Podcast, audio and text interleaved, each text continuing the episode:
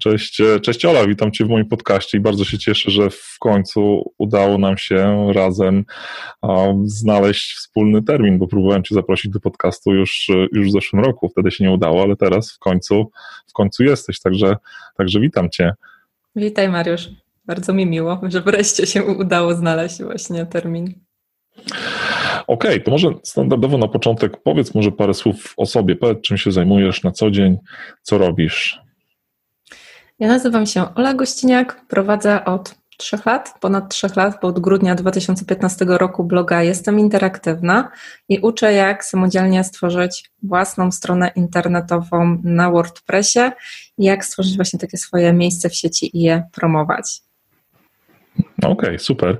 Tak w powiedz... skrócie, jestem konkretna. No i okej, okay, bardzo dobrze, podoba mi się. A powiedz może mm, tak cały czas na początek, bo mój mhm. blog obraca się wokół dochodów pasywnych biznesu online, wolności finansowej. Może zanim przejdziemy dokładnie do tego, czym się zajmujesz, powiedz, czym, czym dla Ciebie jest dochód pasywny? Jak, jak go rozumiesz? Czym jest dla mnie dochód pasywny? Mm, jest to dla mnie taki dochód, gdzie bez machnięcia palcem po prostu jakieś tam zarobki się pojawiają i mogę je przeznaczyć na przykład na funkcjonowanie biznesu i mieć taką wolność finansową, takie poczucie bezpieczeństwa, że mogę angażować się właśnie w swój biznes online, a jednak jak na przykład nie będę miała jakiejś akcji sprzedażowej, jakiejś wielkiej kampanii, to y, po prostu jakieś zarobki się na tym koncie pojawią i będę będę się po prostu czuła bezpiecznie. Okej, okay, a czy taki biznes pasywny, dochody pasywne są generalnie według Ciebie możliwe? Bo opinie są podzielone, tak? że opinie są takie, że nie ma czegoś takiego jak dochód pasywny, zupełnie dochód pasywny, taki, gdzie nie trzeba wkładać mhm. żadnej, żadnej pracy, a inni twierdzą, że no generalnie jest coś takiego, że wystarczy włożyć dużą mhm. pracę na początku, potem coraz mniej, coraz mniej i w zasadzie prawie albo mhm. nic nie trzeba wkładać w przyszłości w taki biznes. To jak to jest? Rozumiem, rozumiem obydwa podejścia sporne, e, ponieważ e, owszem, myślę, że zarobki pasywne jak najbardziej da się osiągnąć, ale czy zawsze to będzie tak, że w ogóle nie machniesz palcem? Trudno mi powiedzieć. Na przykład, jeśli blogujesz i masz jakieś artykuły, w których są linki afiliacyjne, te artykuły po prostu są na blogu, a ty dalej blogujesz i dalej się zajmujesz jakimiś e, tekstami, no to te starsze artykuły, jeśli dobrze się wypozycjonują na przykład w Google, mogą być takim zarobkiem pasywnym, bo już na samo ich promowanie nie poświęcamy w ogóle czasu. Osoby wchodzą, mogą coś na przykład zakupić z takich linków afiliacyjnych, skorzystać z nich i dzięki temu e, po prostu my zarabiamy.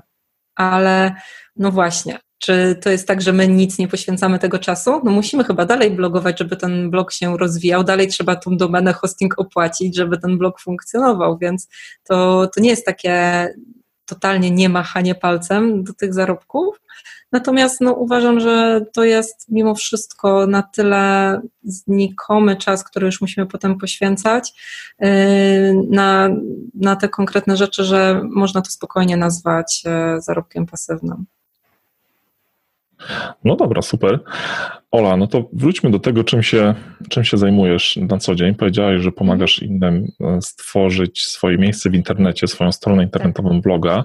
Widziałem, że ostatnio pomagasz również e, stworzyć swój pierwszy sklep internetowy w internecie, ale jak tak naprawdę zacząć to robić? Bo ja wyobrażam sobie taki scenariusz, że na początku trzeba by pewnie w jakiś sposób przetestować ten swój pomysł na biznes, żeby, mhm. no, żeby nie stracić czasu, tak? Że stworzymy jakiś sklep, na który w ogóle nie ma żadnego zapotrzebowania, mhm. więc czy ty masz jakieś sprawdzone metody, które polecasz na to, jak taki pomysł na biznes, jakim jest sklep internetowy, przetestować? Da się to w ogóle zrobić, zanim jeszcze go stworzymy? Da się. Ja myślę, że przede wszystkim trzeba coś takiego zrobić, e, żeby gdzieś tam nie wtopić e, pieniędzy, czasu na tworzenie nie wiadomo jakiego produktu, sklepu i potem się okaże, że ale inni mówią nam, że wcale tego nie potrzebowali.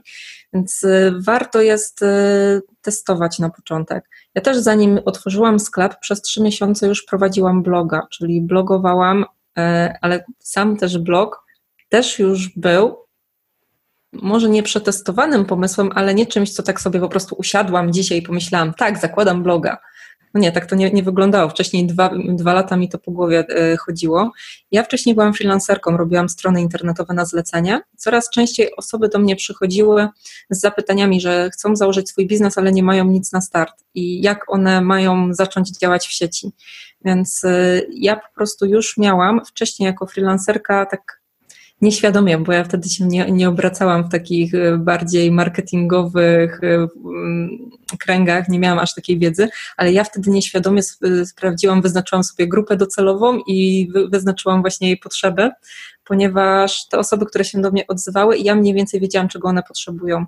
Na tej podstawie ja stworzyłam tego bloga i też posiadając tego bloga stworzyłam też grupę wsparcia na Facebooku, gdzie ja w tej grupie wsparcia poznawałam e, te osoby, które potrzebują pomocy ze stroną internetową i dowiadywałam się, czego one potrzebują, więc zarówno blog, jak i grupa wsparcia to jeszcze nie były żadne, żaden sklep online, żadna sprzedaż, tylko to było kilka miesięcy, a wcześniej kilka lat e, przy rozmowach mailowych poznawania potrzeb osób, które które chcą taką stronę internetową niskokosztowo stworzyć. I wtedy też e, e, po tych kilku miesiącach mniej więcej już wiedziałam, jak to wszystko wygląda. Wtedy pomyślałam, że dobra, no to spróbujmy stworzyć pierwszy produkt. I ten produkt to nie było coś, co na przykład poświęciłam, nie wiem, miesiące, lata, żeby go stworzyć. To nie, to nie był kurs online wideo, gdzie montaż nie wiadomo ile kosztuje, to był niskokosztowy produkt, który y, zrobiłam po prostu w Wordzie. To był e-book, który napisałam w Wordzie, w Wordzie zapisałam go jako PDF, y, wykorzystałam do sklepu internetowego bezpłatną wtyczkę WooCommerce w WordPressie do zrobienia tej platformy sprzedażowej i dzięki temu naprawdę niskokosztowo zobaczyłam, czy ktoś jest w ogóle zainteresowany zakupem tego typu e-booka. No i okazało się, że ten e-book przez długi czas, bo on był w ciągłej sprzedaży, e, powoli zaczął mi e, ZUS funkcjonowania firmy opłacać i dzięki temu no tak naprawdę nisko, niskim kosztem, ale zarówno jeśli chodzi o czas i pieniądze, przetestowałam, że to jest dobry pomysł. Okej, okay, czyli działałaś już wcześniej jako, jako freelancerka, tak. więc miałaś już jakiś, jakiś klientów, więc pewnie udało ci się sprawdzić, czy przebadać swoją grupę docelową, mhm. ale no właśnie, czy są jakieś metody na, na przebadanie, sprawdzenie, kto jest naszą, kto, kto jest w naszej takiej docelowej a, grupie odbiorców czy klientów? Czy używasz teraz jakichś metod, albo jakie metody na start polecasz każdemu, komuś, kto dopiero startuje, jak właśnie ma określić swoją grupę docelową, jak zbadać jej, jej potrzeby, bo domyślam się, że to pod taką grupę potem trzeba stworzyć, e, stworzyć nasz e, sklep bądź blog, mhm. tworzyć treści i tak dalej, więc pewnie od tego trzeba wejść. Ale jak określić taką grupę docelową? Jakie, jakimi metodami? Mhm. Y Grupa docelowa to jest temat rzeka, bym powiedziała, ponieważ y, w momencie, kiedy my dopiero zaczynamy swój biznes, dopiero chcemy zacząć działać, to czasami to jest bardzo trudne, żeby cokolwiek o tej grupie docelowej powiedzieć. I owszem, możemy wyznaczać, zastanawiać się, kto może być w tej grupie docelowej. Ja, kiedy startowałam, byłam przekonana, że to będą kobiety, które na przykład chcą coś zmienić w swoim życiu i albo na przykład wcześniej były, pracowały w korporacji i chciałyby się urwać z tej korporacji, rozpocząć swój biznes, albo na przykład były na jakimś urlopie macierzyńskim i też by chciały coś zacząć e, bardziej konstruktywnego robić. I to znaczy, ja nie mówię, że urlop macierzyński jest niekonstruktywny, żeby nie, żeby nie było, ale że po prostu one mają ta, taką, e, taką potrzebę, żeby coś e, więcej za, zacząć robić jeszcze. I w momencie, jak ja wyznaczałam taką grupę docelową, to po prostu te osoby do mnie przychodziły. Więc ja, jak rozmawiałam z nimi mailowo, ja wiedziałam mniej więcej, jaki typ człowieka do mnie już przychodzi. Więc e, tak to u mnie wyglądało, że kiedy ja działałam w tej konkretnej branży, to patrzyłam, rozmawiałam z tymi osobami, jakie są właśnie ich potrzeby, kim są y, i dlaczego chcą coś zmienić, i dzięki temu ja po prostu rozmawiałam. I myślę, że takie rozmowy z potencjalną grupą docelową to jest skarbnica wiedzy, bo my wiele rzeczy możemy się domyślać, ale niekoniecznie to potem może się okazać, że to jest y, dobry tok rozmowania. Więc y, myślę, że takie rozmowy, ankiety, testy, żeby poznać tak takie pojedyncze osoby z tej grupy docelowej i bardzo mogą pomóc w tym, żeby wykreślić, wykreślić wyznaczyć sobie tą grupę docelową. Następnie w momencie, kiedy już blogowałam, no to już wtedy coraz łatwiej jest, ponieważ w momencie, kiedy już mamy bloga, czy tam mamy fanpage, to już możemy oglądać takie potężne narzędzie jak statystyki. Tam możemy wejść w demografię, w zainteresowania, więcej też się dowiedzieć po prostu wśród osób, no bo wiadomo, kiedy statystyki rosną, no nie jesteśmy już wtedy z każdą pojedynczą osobą w stanie porozmawiać, no ale wtedy możemy z tych statystyk skorzystać i naprawdę warto, warto to robić. Co jest w ogóle ciekawe, Mariusz, mogę Ci powiedzieć, że tak jak na początek wyznaczyłam sobie taką bardziej kobiecą grupę docelową, to w momencie, kiedy wydałam książkę w zeszłym roku bądź online o tworzeniu strony internetowej, to mi proporcje zaczynają się wyrównywać i bardzo dużo panów się pojawia u interaktywnych i mnie to tak bardzo cieszy, że coraz więcej. Mm, coraz więcej właśnie panów jest e, wśród interaktywnych, że powoli się też zastanawiam, czy może jednak nazwy grupy mojej na Facebooku nie trzeba zmienić na Jesteśmy Interaktywni, Jesteśmy Interaktywna. No właśnie, więc... twoja grupa docelowa się rozszerzyła tak, o połowę tak, tak populacji. Więc, więc y, to też y, a propos grupy docelowej myślę, że to jest bardzo istotne, że raz po raz warto sprawdzić nasze założenia. Czy coś się jednak tutaj nie zmieniło od samego początku, co gdzieś tam wyznaczyliśmy? Bo kto wie, może tak się też zdarzyć. I to myślę, że można. Mm, I to myślę, że warto po prostu wziąć pod uwagę, żeby raz po raz w te statystyki sobie zajrzeć i zobaczyć, co tam się takiego dzieje. Okej, okay, no bardzo fajne, fajne porady. Widać, że od, od praktyka, od osoby, która rzeczywiście oczywiście zna się na tym i wie, wie co, się, co się z tym generalnie robi.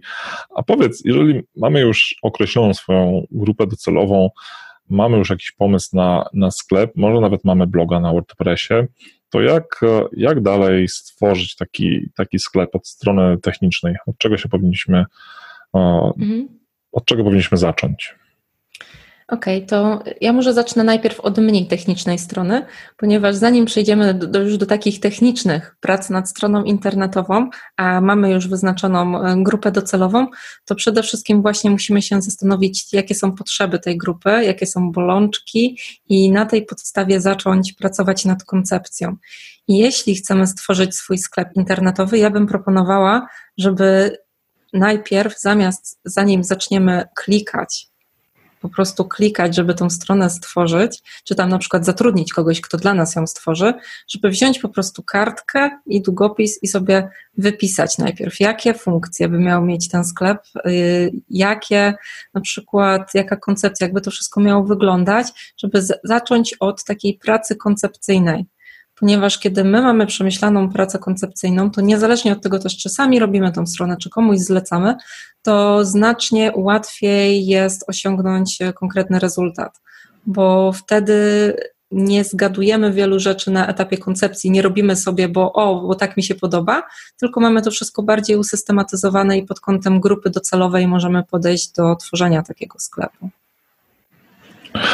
Okej, okay, a czy sprzedajesz na przykład swoje produkty jeszcze zanim powstaną, żeby sprawdzić, czy jest na nie zapotrzebowanie, czy raczej nie robisz takich rzeczy? Hmm, znaczy ja wiem, że to jest dobra praktyka. Ja naprawdę wiem, że to jest dobra praktyka według marketingowców, ale to nie jest na moje nerwy po prostu.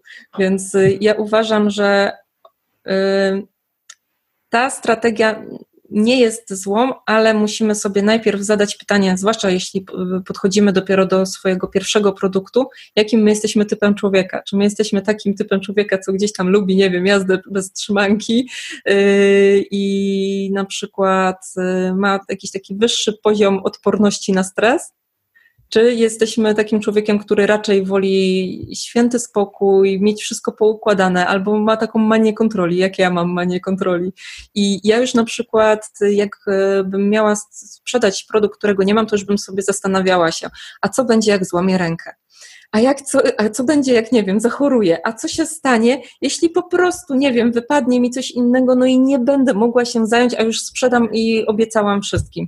Więc y, to nie, to nie jest dla mnie. Ale owszem, wiem, że dużo osób w ten sposób e, tworzy swoje produkty i w ten y, i dlatego funkcjonuje. Ja raz y, z tego typu strategię wykorzystałam, ale to było przy okazji tworzenia książki bądź online, ale to nie było coś takiego, że sprzedaję książkę sprzedaję książkę zanim ona powstanie, tylko ja to nazywałam jako taka oferta fundatorska w formie cegiełek że osoby mm, zakupują takie cegiełki na to, żeby ta książka powstała, zwłaszcza, że ja też nie miałam budżetu na początek, żeby taką książkę stworzyć, ale to było z informacją, że po pierwsze, jeśli książka z jakichkolwiek przyczyn losowych nie powstanie, za te cegiełki po prostu oddaję pieniądze, żeby to nie było tak, że to jest y, jakaś taka inwestycja niepewna, Natomiast druga sprawa, że w ramach tych cegiełek te osoby dostawały multum różnych bonusów. Oprócz tego, że dostały zaraz po premierze podpisaną książkę, to jeszcze dostawały możliwość e, promocji swojego biznesu w książce wydrukowanej jako fundatorów tej książki.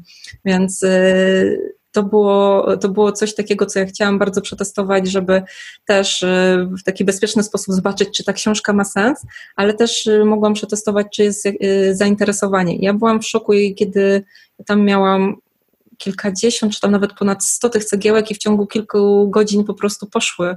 I ja, nie, ja naprawdę totalnie nie wiedziałam, co tam się wydarzyło.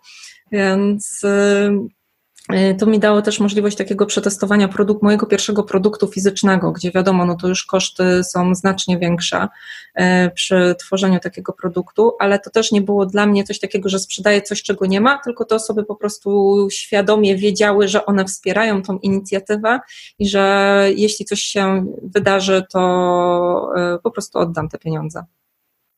Okej, okay. czyli domyślam się, że musiałaś dodrukować rozdział albo jeszcze ze dwa, żeby wszyscy się zmieścili. Tak, tak, to znaczy tam były pakiety. Y, srebrne, złote cegiełki były wydrukowane w książce, a y, te z brązowych to był taki artykuł y, na blogu z linkami zewnętrznymi do stron, które wiesz, pod SEO są zawsze bardzo, bardzo dobre. Natomiast co chciałam powiedzieć? No i to też mi dało taką mm, motywację, że ta książka musi powstać. Nie, od, nie odwlekałam tego w czasie. E, I na dodatek e, też to było bardzo, bardzo dobrze przyjęte. Ja się bałam, jak to będzie wyglądało, co ludzie powiedzą, bo zwłaszcza wiele osób dużo, mm, dużo znaczy podchodzą z taką rezerwą, jeśli są jakieś zrzutki na, na coś, na jakąś inicjatywę. Natomiast tutaj e, myślę, że ze względu na to, że taki szereg benefitów dodatkowych dałam dla tych osób, to było to dla nich atrakcyjne i bardzo dużo osób kibicowało przy powstawaniu tej książki. No to bardzo fajny pomysł, bo szczerze mówiąc nie widziałem takiego pomysłu w Polsce. Przynajmniej innej książki wydanej w ten sposób. Także fajnie, że ta metoda się sprawdziła. Takie zrzutki często się robią, ale dużo osób po prostu to nazywa przedsprzedaż, dostaniesz książkę za, nie wiem, dwa miesiące na przykład. Tylko, że gdzieś tam się nie dzielą z tym, że w sumie to nie ma jeszcze nic z tej książki na przykład. I ja też buduję swój biznes na zaufaniu i dla mnie to jest bardzo istotne, że ja gram w otwarte karty, pokazuję po prostu, jak to wszystko wygląda, na jakim jest etapie i albo ktoś ma ochotę wesprzeć taką inicjatywę, albo nie. Natomiast e, wracając do tematu, tylko raz zrobiłam do tej pory właśnie coś takiego, że no sprzedaję, no nie wiem jak to powiedzieć, no sprzedaję produkt, póki go nie ma. Natomiast jeśli chodzi o kursy online, to już w tym przypadku ani razu nie zrobiłam tego, bo no to też by było dla mnie po prostu zbyt, zbyt, zbyt stresujące e, w tym przypadku, żeby sprzedawać kurs, który jeszcze w sumie nie jest nagrany, nie wiadomo ile godzin jest materiału i tak dalej. E, a kurs mm, wolę po prostu zrobić taką przedsprzedaż, kiedy ja już fizycznie ten produkt mam gotowy. A masz takie sytuacje, że masz kurs online już gotowy, a okazuje się w trakcie kursu, że kursanci potrzebują jeszcze jakichś dodatkowych treści albo trzeba zmodyfikować obecne, mhm. gdzieś je rozszerzyć. Co robisz wtedy? Dogrywasz kolejne lekcje? Y, wiesz co, ja w moich kursach, takich dużych kursach wideo, jak na przykład kurs WordPressa, teraz y, kurs WooCommerce, który niedługo będzie się pojawiał, do kursu jest y, taka tajna grupa na Facebooku dla kursantów.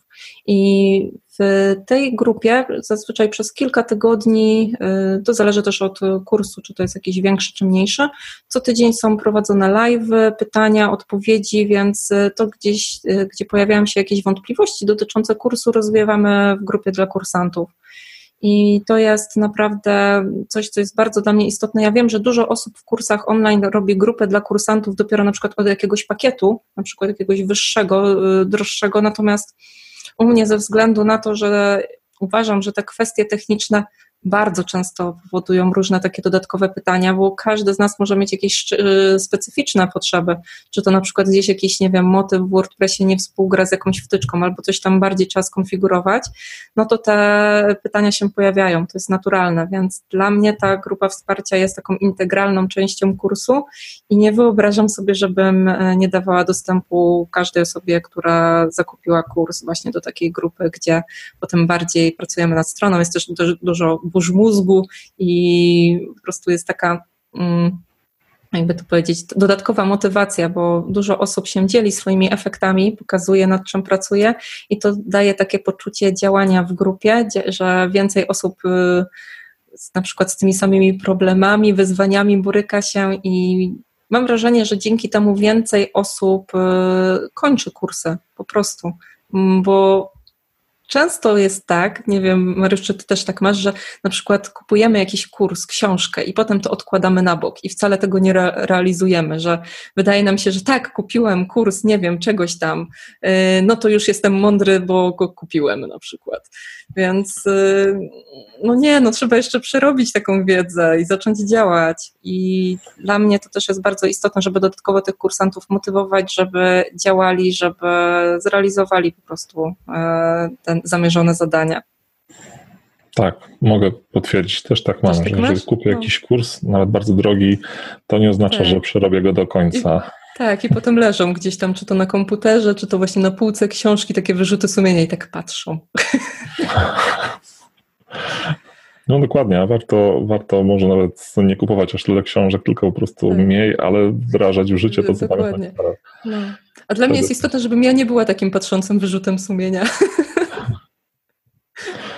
Okej, okay, czyli ta grupa wsparcia na Facebooku się przydaje do tego, żeby motywować tak. ludzi do, do, do pracy tak naprawdę, do tego, co tak, chcieli no, ale to po, po, pierwsze właśnie te osoby są e, bardziej zmotywowane, osiągają konkretne rezultaty. No po pierwsze, po pierwsze to jest po prostu dla mnie totalna radocha, jak ja widzę re, rezultaty tych osób, bo ja się czuję wtedy taką matką chrzestną tych wszystkich stron internetowych, tych sklepów i mi to daje taką totalną frajdę. To jest, to jest właśnie coś, co mi daje takie flow w biznesie, że bardziej mnie do kolejnych rzeczy napędza ale już po drugie, jakby to pewnie jakiś marketingowiec powiedział, bo ja marketingowcem nie jestem, no to to już jest też y, taka kwestia, że więcej osób z tego, z tego kursu jest zadowolonych i po pierwsze będzie polecało dalej, a po drugie jeszcze ty masz świetne referencje do kolejnych edycji do tego kursu, że więcej osób może z niego skorzystać. Natomiast akurat ta druga strona medalu to jest coś, co ja dopiero po, po jakimś czasie, po kilku kursach zauważyłam, że im więcej osób ten kurs ukończy, bo się je zmotywuje, po poświęci się też więcej czasu na pomaganie, to tym większa taka, mm, takie zadowolenie jest e, z takiego produktu. I tym większa chęć do tworzenia kolejnych. Mhm. Tak, tak. Okej, okay, a powiedz, załóżmy, że, że mam, już, e, mam już taki swój sklep internetowy, mam swój, swój produkt online, może to być kurs, e-book albo coś, coś w tym stylu, to jak mam promować albo reklamować te, te produkty bądź, bądź cały sklep? Czy są jakieś utarte schematy, czy raczej tutaj trzeba działać nieszablonowo i wymyślać jakieś, jakieś nowe metody? Czy raczej jest szereg takich metod, które działają przynajmniej teraz i jesteś w stanie je mhm. polecić? Okej, okay. nie, nie, zrobię wykładu marketingowego, bo jak już do tego doszliśmy, ja nie jestem marketingowcem. Tylko kilka rzeczy. Mogę, ale, mogę, ale mogę podzielić się po prostu ze swojego podwórka, jakie rzeczy ja stosuję, jakie się u mnie sprawdzają. Więc y, ja sobie wypracowałam taki mm, sposób promocji materiałów w formie wyzwań. Czyli zanim na przykład ja, y, czyli jak już stworzę kurs, ale zanim e, rozpocznę jego sprzedaż, robię takie kilkudniowe wyzwanie, zazwyczaj trzydniowe, podczas którego są e, webinary, trzy webinary. I w czasie tego wyzwania my, może nie, że pokazuję część tego, co jest w kursie, ale mm, pokazuję tą tematykę, która jest związana z kursem. Ja tu może opowiem przykład wyzwania, które niedługo będę e, tworzyć. To będzie wyzwanie odnośnie tego, jak stworzyć sklep internetowy. I w trakcie tego wyzwania będą trzy webinary o godzinie 20, to znaczy w sumie godzina nie ma znaczenia, ale dobra, o wieczornej godzinie będą trzy webinary W ciągu dnia rano będą się pojawiały w grupie wsparcia Jesteśmy Interaktywne y, trzy takie materiały związane z burzą mózgów, że osoby, które biorą w tym wyzwaniu udział, będą mogły między sobą dyskutować nad swoimi pomysłami na sklep internetowy. Oprócz tego będą zestawy jeszcze ćwiczeń na każdy dzień, takie bardziej może karty pracy, workbooki do tych e, webinarów, gdzie po prostu osoby będące na webinarze będą mogły sobie uzupełniać te ćwiczenia w trakcie. E, I jaki jest cel takiego wyzwania? Cel takiego wyzwania będzie właśnie praca koncepcyjna nad sklepem internetowym. Jak zaplanować ten sklep, jak stworzyć na przykład asortyment, jak to wszystko po prostu koncepcyjnie zadziałać. I to wyzwanie jest bezpłatne, ale dostępne po zapisach mailowych. Dzięki temu, że w tym wyzwaniu część osób może zobaczyć przez te trzy dni, że tak, ten sklep, ja już mam na niego pomysł, opracowałem w trzy dni sobie jego koncepcję, to jest coś dla mnie, to ja potem dla osób, które wzięły udział w wyzwaniu, daję mm, zniżkę na kurs WooCommerce, którym pokazuję, jak już to, co tutaj w wyzwaniu koncepcyjnie zaplanowaliście, możecie wyklikać potem w tym kursie WooCommerce'a. Więc to jest y, po prostu takie wyciągnięcie ręki dla osób, które wzięły udział w tym wyzwaniu, ale widzą, że potrzebują pomocy na dłużej. A jeśli się znajdą takie osoby, które jednak y, przejdą przez to wyzwanie i albo stwierdzą, nie, jednak sklep to nie jest dla mnie, no to po pierwsze one nie wtopią pieniędzy, nie będą osoby niezadowolone w kursu, z kursu, które będą po internecie chodziły, nie, ten kurs jest beznadziejny, bo sklep jednak nie jest dla mnie. Y, więc, a po drugie, jeśli się okaże, że sklep jest dla nich, ale jednak nie chcą skorzystać z kursu, kursu, bo y, stwierdziły, że na przykład same są w stanie to zrobić, no to ja też się cieszę, bo będą kolejne sklepy internetowe. Natomiast y, w takich wyzwaniach, zazwyczaj na takie wyzwania się zapisuje tysiąc, kilka tysięcy osób, więc y, też konwersje zakupu takiego kursu są dosyć wysokie w porównaniu do tego, gdybym tylko promowała sam kurs bez takiego wyzwania.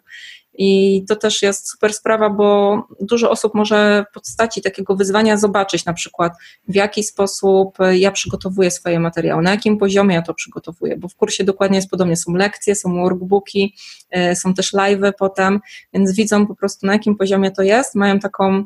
Mm, mają taką, jakby to powiedzieć, zajawkę, zajawkę tego, co, jak wyglądają moje bezpłatne materiały, jak mogą wyglądać płatne, bo wiadomo, że w płatnych jest y, znacznie więcej i bardziej szczegółowo. I dzięki temu y, myślę, że też chętniej do takiego kursu, y, do takiego kursu się przekonują.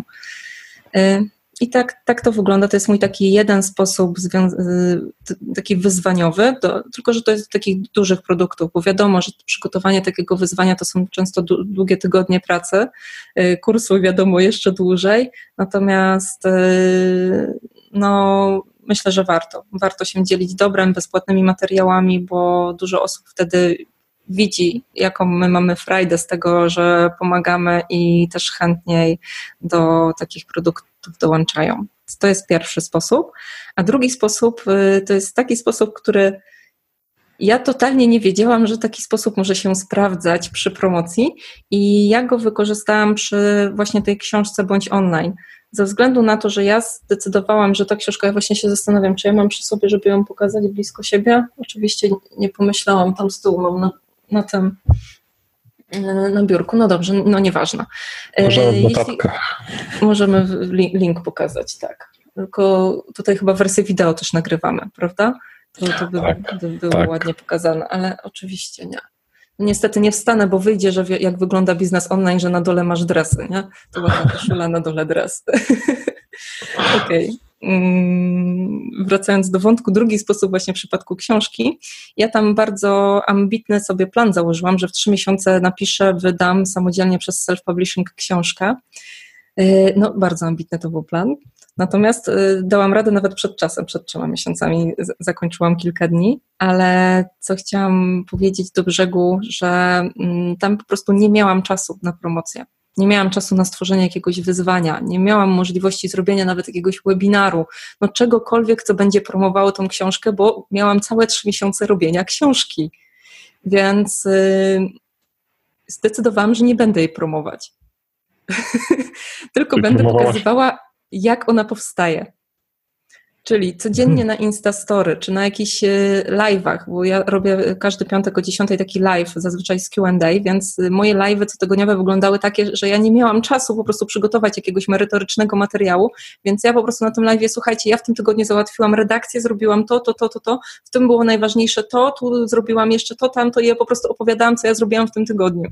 I ja nie zdawałam sobie sprawy, ja naprawdę mówię, no nie jestem marketingowcem, ale totalnie sobie nie zdawałam sprawy, że ja zrobiłam chyba najlepszą ever promocję tej książki, bo to wyglądało tak, że ja dostawałam codziennie maile, Ola, ale jak ci tam idzie, jak tam poszło z tą korektą, a jak z tym poszło i w ogóle. I tyle osób czekało na tą książkę z tego powodu, że patrzyli na ten backstage, na te kulisy jej powstawania, że w momencie, kiedy się rozpoczęła przedsprzedaż, sprzedaż to mi tam poszła jedna czwarta nakładu, chyba nawet więcej.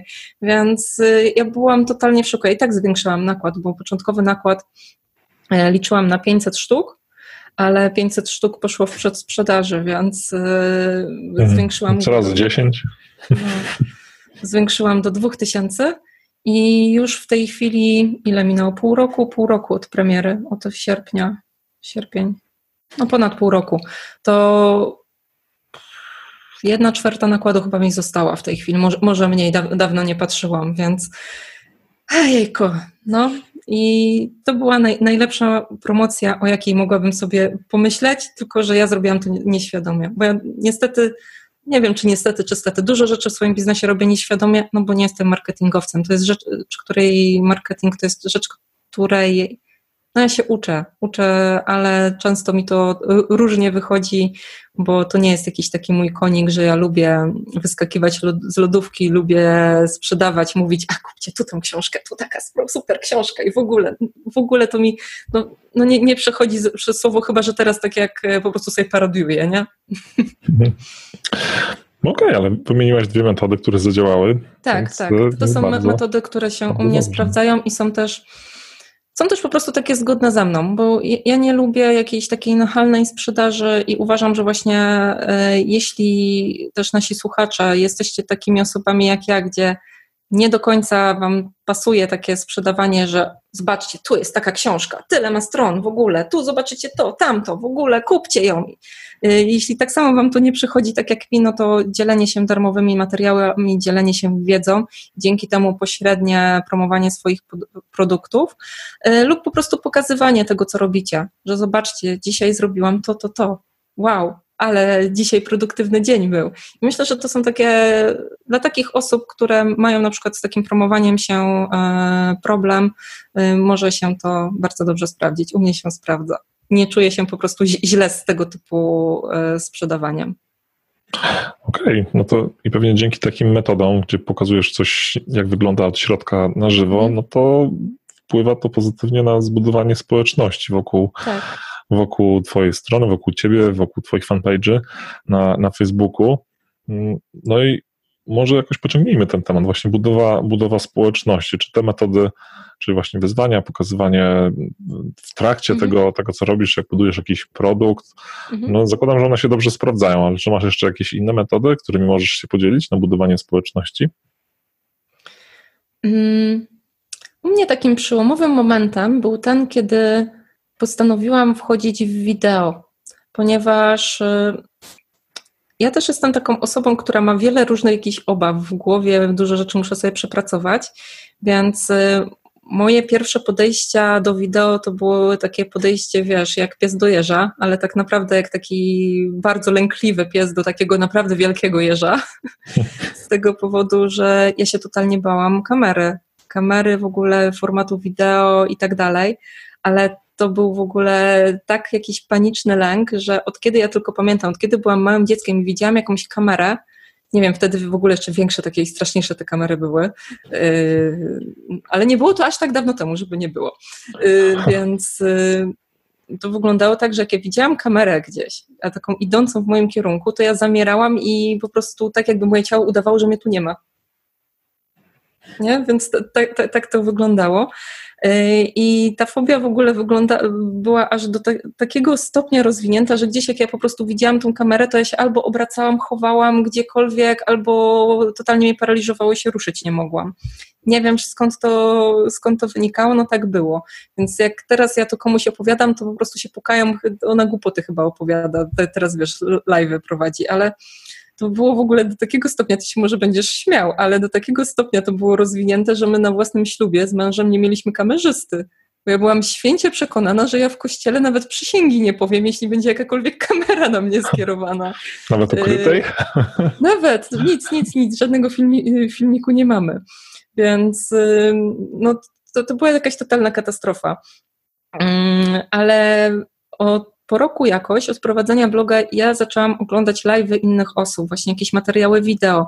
Ja po prostu tak sobie patrzyłam, matko, ale to daje wartości, ale można się z tego świetnie uczyć, jak to świetnie też buduje właśnie społeczność, takie zaangażowanie, y, że można skrócić taki dystans między blogiem a czytelnikiem, bo można na takim live porozmawiać y, z tymi osobami. Więc y, tak sobie stwierdziłam, tak się uparłam, tak po prostu się uparłam, że nie, ja zacznę nagrywać wideo, mało tego, ja zacznę robić live'y. I tak się totalnie uparłam, że stwierdziłam, dobra, no to robimy, ale, ale co teraz? I postanowiłam robić co tydzień live'y, w każdy piątek o godzinie 10 mm, i od no, ponad dwóch lat już te live'y robię. Ale słuchaj, ten pierwszy live, jakbyś ty zobaczył mój pierwszy live na Facebooku, to ja wtedy w ogóle sobie wziąłam chyba jakiś piątek, godzinę siódmą rano, żeby broń Boże nikt nie przyszedł. Ale nikt nie przyszedł. Nie, nikt nie przyszedł. Znaczy, zaraz, zaraz do tego dojdę. Y, na ten live sobie przygotowałam, wzięłam z grupy wsparcia swojej trzy pytania, jakie się pojawiły dzień wcześniej i postanowiłam, że na te pytania po prostu odpowiem. No więc połączyłam się na tym live'ie Y, już pominę, że w ogóle wszystkie zasady były tam złamane, że kamera była pode mną, patrzyłam zamiast y, w kamerę, to patrzyłam gdzieś tam na, na siebie. Y, potem, potem jeszcze, co ja jeszcze tam zrobiłam? Coś jakiegoś, coś dziwnego w ogóle tam powiedziałam, że nie wiem, zapraszam nie na live, tylko zapraszam na dyskusji, coś w ogóle jakieś dziwne słowa tam gadałam. Po czym, jak zauważyłam po kilku minutach, jak już odpowiedziałam na te pytania, że połączyły się trzy pierwsze osoby, to się wyłączyłam. O, problemy techniczne. Znaczy ja się ze stresu wyłączyłam, nie? Bo jak zobaczyłam po prostu, że ktoś to widzi, ogląda, to tak i wyłączyłam szybko tego live'a. Y, jakby ktoś był zainteresowany, wrzuciłam ten live dla potomnych, jest w tej chwili widoczny na YouTubie, żeby inne osoby też widziały, że mm, to, że patrzymy gdzieś na innych, to nie, że one zaczynają od tego punktu, na którym my je widzimy, że początki naprawdę bywają trudne. Fajnie, a, może, jeszcze... a mogę podlinkować w notatkach? Możesz podlinkować, no gdzieś tam się znajdzie. Y, a co jest jeszcze w ogóle najciekawsze? Na live tego nie zauważyłam, bo pierwsze live robiłam z telefonu, no to tam jakość miały dosyć kiepską, ale na pierwszym webinarze, gdzie już zainwestowałam w kamerkę, y, my tak zauważyliśmy, potem oglądam z mężem powtórkę tego webinaru i tak patrzę, Boże, co mi się stało na tej szyi? Ja tak patrzę, a ja całą szyję mam taką czerwoną i tak, no nie, no musiałam się podrapać. Y, no i potem przy następnym webinarze znowu tak patrzymy, no i tak, no nie, no znowu się podrapałam po tej szyi i dopiero na trzecim wyłapaliśmy, że ja zaczęłam ze stresu na tych webinarach dostawać plamy czerwone stresowe na szyi. I po prostu one były takie ogromne, całą szyję mi zajmowały i dopiero po jakimś czasie, po kilku minutach y, takiego, wiesz, największego stresu na początek y, takiego webinaru zaczynały same schodzić. Nigdy w życiu mi nie wychodziły stresowe plamy. Nigdy. Po prostu pod żadnej takiej jakiejś okazji nie zauważyłam. Dopiero okazało się, że to kiedy ja nagrywam dłuższy materiał y, na webinarze. No i Boże, nie wiedziałam w ogóle, co ja mam z tym zrobić. Najpierw sobie gdzieś tam fluidowałam tą szyję. Y, potem zaczęłam, y, no i nie było aż tak bardzo tego widać. Potem po prostu przyzwyczaiłam się do tego, że jak prowadzę webinar, to trzymam sobie tak ręce, żeby nie było widać.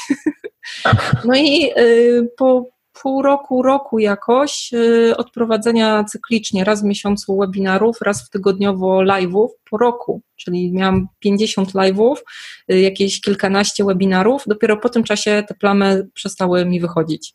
Więc to jest, to była u mnie walka. To była walka o to, że ja się uparłam, żeby to prowadzić, a totalnie nie, nie mam e, naturalnie takich predyspozycji do tego nagrywania wideo, przynajmniej takich psychicznych, żeby tak to ujmę. Natomiast no dało się, dało się to wszystko przepracować i dopiero ta praktyka, że co tydzień e, na te sytuacje stresowe e, się, mm, jakby to powiedzieć, się Ustawiałaś się, aż w końcu Stawiam, dziękuję, tak, że się stawiam to dopiero wtedy gdzieś tam organizm zaczął inaczej, e, inaczej na to reagować. Chociaż do tej pory, jeśli na przykład mm, mam taki webinar, gdzie zaraz przed webinarem na przykład, nie wiem, mikrofon przestanie działać, albo no po prostu, wiesz, coś taki przypadek losowy się zrobi, że się mocno zaraz przed webinarem zestresuję, że coś nie działa, to mi te plamy znowu wyjdą. To jest e, coś, do czego ja się już też e, no, przyzwyczaiłam, no ale akceptuję to teraz. Natomiast rozgadałam się o, roz, rozgadałam się trochę o tym wideo, ale no dlatego, że uważam, wracając do Twojego pytania, że właśnie to wideo było u mnie najlepszym sposobem na stworzenie zaangażowanej społeczności i to jest y, coś, do czego ja będę Was zachęcała. Więc jeśli nawet Wy uważacie, że gdzieś tam nie macie predyspozycji do wideo, to popatrzcie sobie na gościniakową to być może się okaże, że jednak nie, nie jest tak źle. Okej, okay. no ważne, że się udało i że przełamałaś te swoje, swoje, lęk, swoje lęki, tak, swoje strachy tak, i okej, okay. to działa, rzeczywiście. No dobra, super, fajne, bardzo fajne metody na, na promocję. A chodzi mi po głowie jeszcze taka jedna metoda związana z mhm. promocją naszego sklepu, ale może nie tylko sklepu czy naszych produktów, Mm, jak e, metoda związana z programami partnerskimi, czyli że my uruchamiamy w ramach naszego sklepu mhm. program partnerski. I czy to, czy to ma sens? Czy to ma zawsze sens, czy raczej to się słabo, słabo sprawdza, bo nie wiem, prowizje są mhm. niewielkie. Czy ty, jak, jak ty do tego podchodzisz? Ja do swojego sklepu jestem interaktywna, mam uruchomiony program partnerski. Na Web Partners można dołączyć do programu Jestem Interaktywna i tam jakieś procenty dostać e, w zamian za polecanie moich produktów. E, natomiast takie, jakby to powiedzieć, takie codzienne promowanie nie przynosi aż tak dużych rezultatów. Myślę, że tak kilka produktów w ciągu miesiąca z polecenia innych osób się pojawia. Jakie zagrożenie, ja, ja, widzę jedno takie zagrożenie związane z programami partnerskimi, bo często to wygląda tak, że do takich programów partnerskich dołączają takie strony, wiesz, jakieś, nie wiem, kuponik, rabacik i tak dalej, takie, które mają e, mnóstwo samych zniżek. Nie wiem, czy ko kojarzysz takie. I zazwyczaj to są strony, na które my nie wchodzimy po to, żeby znaleźć rabaty, tylko to są takie strony, które dobrze działają pod SEO i ktoś, kto już ma na przykład intencję kupienia naszego produktu, wpisuje na przykład nazwę naszej firmy, rabat i nagle ta strona wychodzi. I wtedy rozumiesz o co mi chodzi? Oni dostają prowizję za to, że w sumie się wypozycjonowali na frazę naszej strony z y, dopiskiem rabat a i tak ta mhm. osoba by kupiła, i tak by tak kupiła, a my przez to na przykład potracimy tam, nie wiem, 5, 10, ileś procent z produktu, bo płacimy ich, bo wypozycjonowali się. Więc y, takie widzę jedno zagrożenie. Natomiast y, są programy partnerskie, do których wy możecie zapraszać konkretne osoby i to nie jest tak, że każdy na przykład się loguje. Mm, albo są też takie, gdzie może każdy się zalogować, ale musicie zaakceptować. No to ja wtedy zazwyczaj y, przy takiej akceptacji nie biorę pod uwagę tego typu stron, sprawdzam, co to jest za strona, czy to jest y, na przykład jakiś bloger, czy właśnie jakiś taki agregator rabatów, co idzie po prostu na to, żeby się wypozycjonować. Y, natomiast y, do brzegu, czy warto jest? Y. Myślę, że warto, ale u mnie to się sprawdza przy okazji takich y, może zamkniętych kampanii. A mianowicie, jeśli ja mam jakąś większą kampanię sprzedażową, to zapraszam konkretne osoby do afiliacji i wtedy one dostają taki zamknięty program, gdzie dostają wyższą prowizję, ale na przykład te osoby są albo na przykład partnerami tego kursu, że dodają bonus jakiś do tego kursu albo na przykład dają właśnie jakiś taki bonus, jeśli ktoś zakupi z tego linku, to ta osoba dostaje bonus y, do kursu. Albo też piszą jakieś takie artykuły gościnne razem ze mną. I to jest taka afiliacja, do której ja zapraszam konkretne osoby, które mogą e, skorzystać i dostać po prostu wyższy procent niż takie osoby, co gdzieś tam przyjdą e, z ulicy, których nie znam, do czystej przysłowiowej ulicy niech będzie. Okej, okay. no dobrze, a powiedz, bo domyślam się, że swój biznes prowadzisz w zasadzie w 100% zdalnie. Tak? Mhm. Więc teoretycznie możesz go prowadzić z każdego miejsca na Ziemi, tam gdzie jest internet. To czy w związku z tym um, planujesz być, a może już jesteś cyfrową nomadką, czyli taką osobą, która podróżuje Bardzo. po świecie, mieszka za granicą w fajnych miejscach i pracuje zdalnie? Nie, nie nie bardzo. To, to dlaczego nie? nie? Y, po pierwsze, mój mąż jest, y, mój mąż jest programistą y, na umowie o pracę i mm, pracuje z biura na co dzień w Poznaniu. Więc, a ja jakoś tak nie, nie czuję potrzeby samotnych, na, na samotne wyjazdy. Natomiast ja też jestem taką trochę domatorką. Gdzieś tam, wiesz, podróże, wyjazdy, owszem, ale bardziej, bardziej odpoczynkowe. Chociaż ostatnio mi się zdarzyło, że do Warszawy tak typowo popracować pojechałam na kilka dni, no ale to są takie pojedyncze rzeczy, nie takie, żeby, wiesz, wyjechać do Tajlandii na miesiąc, dwa, może nawet na trzy. Myślę, że to nie do końca jest dla mnie, ale bardzo bardzo kibicuję y, osobom, które tego typu tryb życia y, prowadzą i też bardzo chętnie na Instagramie, na przykład na Instastory podglądam, bo to jest zawsze jakaś fajna inspiracja, natomiast y, na Instagramie mogę chętnie oglądać, ale u siebie w życiu może, mo, może niekoniecznie. Jednak no to nie, nie, jest, nie jest dla mnie, nie jestem takim typem człowieka, co gdzieś tam się przeprowadzał non-stop. Okej, okay, to zaczęłaś mówić o inspiracji i mhm. tutaj też chciałbym się trochę dowiedzieć od ciebie. Może jesteś w stanie wymienić jedną, dwie albo trzy, trzy osoby, które mhm. właśnie inspirują cię na co dzień do działania. Mogą to być e, ludzie z internetu, z Instagrama, podcasterzy, blogerzy, mhm. autorzy książek. Masz jakieś takie osoby? Mm, wiesz co? Myślę, że tak, tak, mam takie osoby jak najbardziej. E, przede wszystkim bardzo lubię oglądać e, Olę Budzyńską. Mm, Ola Budzyńska prowadzi biznes e, Pani swojego czasu i uczy zarządzania czasem głównie kobiety.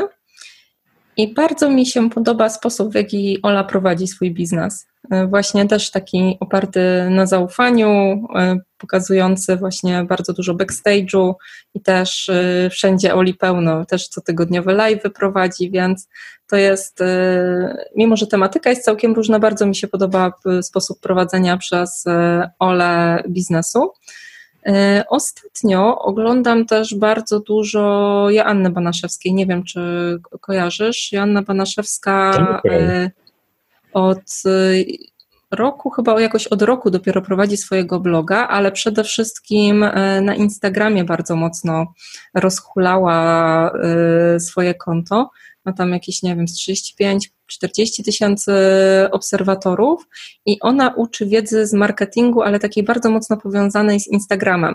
A ze względu mhm. na to, że ja na tym Instagramie gdzieś tam od jakiegoś czasu próbuję rozhulać konto, to dużo fajnej, cennej wiedzy u niej znajduję. Mm, I teraz tak myślę, jakąś trzecią osobę. Jest tyle, tyle, tyle pomysłów i wiesz, wybrać teraz konkretną osobę tutaj na podium. Mm-hmm. Wiesz co, myślę, że wygra. E... Mm-hmm. Kurczę, bije, biją się teraz te wszystkie osoby w mojej głowie. Ale myślę, że dałabym e, Nikolę z Mama Ginekolog. E, myślę, że dlatego nie wiem, czy ty wiesz, co, e, co ona zrobiła z okazji Wośpu. Wydała. Okej, okay, no to słuchaj. Wydała e-booki takie kró dosyć krótkie e-booki, dała im cenę mm, jakieś 12 zł, 10 zł plus tam 23% VAT i zrobiła na WOŚP w ciągu tam jednego dnia e, czy tam weekendu całego taką promocję, że cała kwota z tych e-booków pójdzie na Wielką Orkiestrę. I sprzedała mhm. tych e-booków tyle, że robiła przelew na milion dwieście no to wow. Na WOŚ. Jak to możliwe? Mało tego, podatki dochodowe wzięła po swojej stronie i dokładała z własnej kieszeni. Tylko po prostu e, na, na, na VAT brała e, z tych kwot. Więc e, tam cały weekend wszyscy siedzieli, kupowali po kilka tych e-booków, po prostu patrzyli na tą kwotę, która tam non-stop rośnie i, i, i wszyscy nie dowierzali Więc w momencie, kiedy wiesz, spojrzysz na to, ile cała, cała wielka orkiestra uzbierała przez weekend, to okazuje się, że wcale nie jest to taka mała kropla w morzu. Więc myślę, że to bardziej taka inspiracja, jak można zaangażować swoją społeczność na robienie czegoś e, wspólnie dobrego, wielkiego. I jeśli chodzi właśnie o tą zaangażowaną społeczność, to wlatujcie na profil Mama Ginekolog, czy to tam na Facebooku, czy na Instagramie, zwłaszcza na Instagramie, tam dużo się dzieje, nawet pod takim e, takim kątem właśnie, żeby spojrzeć backstage budowania zaangażowanej społeczności. Okej, okay, no to nie słyszałem tej historii. Więc na pewno, na pewno zajrzę. Ja wiem, że się... może wiesz, te, może ten, tematycznie ciebie ten temat nie interesować, ale mnie też jakieś parentingowe tematy nie interesują, mamą nie jestem, ale tak ze względu na takie wiesz, podglądanie, jest podglądanie zaplecza, naprawdę to jest ogromna inspiracja. Okej, okay. znaczy to szczerze mówiąc zadaję to pytanie wszystkim moim mhm. gościom, których zapraszam do podcastu i bardzo się cieszę, gdy ktoś wymienia osoby z Polski, bo to jest, mm-hmm. to jest dla mnie, tak. jest dla mnie bardzo, bardzo pocieszające, że tak naprawdę w tak. Polsce też możemy się inspirować za, do działania. Zawsze, za, zawsze staram się z Polski, tutaj z polskiego podwórka, bo naprawdę mamy cudownych twórców polskich i warto, warto ich wspierać. Okej, okay, no dobrze, Ola, zbliżamy się już do końca, mhm. więc może na koniec e, powiedz, e, wymieniłaś już kilka miejsc, gdzie można Cię znaleźć w internecie, ale może jeszcze zróbmy takie podsumowanie, czyli jeżeli Dobrze. ktoś chciałby się z Tobą skontaktować, to gdzie powinien się udać w internecie, gdzie można Cię znaleźć? Dobrze, przede wszystkim takim moim głównym centrum dowodzenia jest blog, jestem interaktywna e, pod adresem olagościniak.pl, ale zresztą jak wpiszecie jestem interaktywna czy Ola Gościniak w Google, to wyskoczy bez problemu. I następnie prowadzę kanał na YouTubie pod moim nazwiskiem Ola Gościniak. Natomiast większość tych filmików też wrzucam na blogu razem z skrótami artykułów, czasami też podcastami, więc e, też na blogu te wszystkie informacje się znajdują. Następnie oczywiście Facebook, jestem interaktywna, grupa wsparcia Jesteśmy Interaktywne i jeszcze mamy Instagram. Na Instagramie bardzo dużo backstage'u na story pokazuję, więc y, może to być też interesujące miejsce dla Was. I na Instagramie jestem pod Ola Gościniak też, albo jestem interaktywna, da się znaleźć, albo, albo, albo nazwa bloga, albo imię i nazwisko. Wszędzie. Okej, okay, super. No to co, Ola? Dziękuję Ci bardzo za podzielenie się swoją wiedzą ze słuchaczami podcastu. Bardzo było mi miło Ciebie gościć tutaj. No naprawdę podzieliłaś się sporą dawką wiedzy, to mnie bardzo, bardzo cieszy. Dzięki. I pewnie też skorzystam z części twojej, twojej wiedzy w przyszłości. No i jeszcze raz dzięki. Dzięki wielkie, dzięki za uwagę.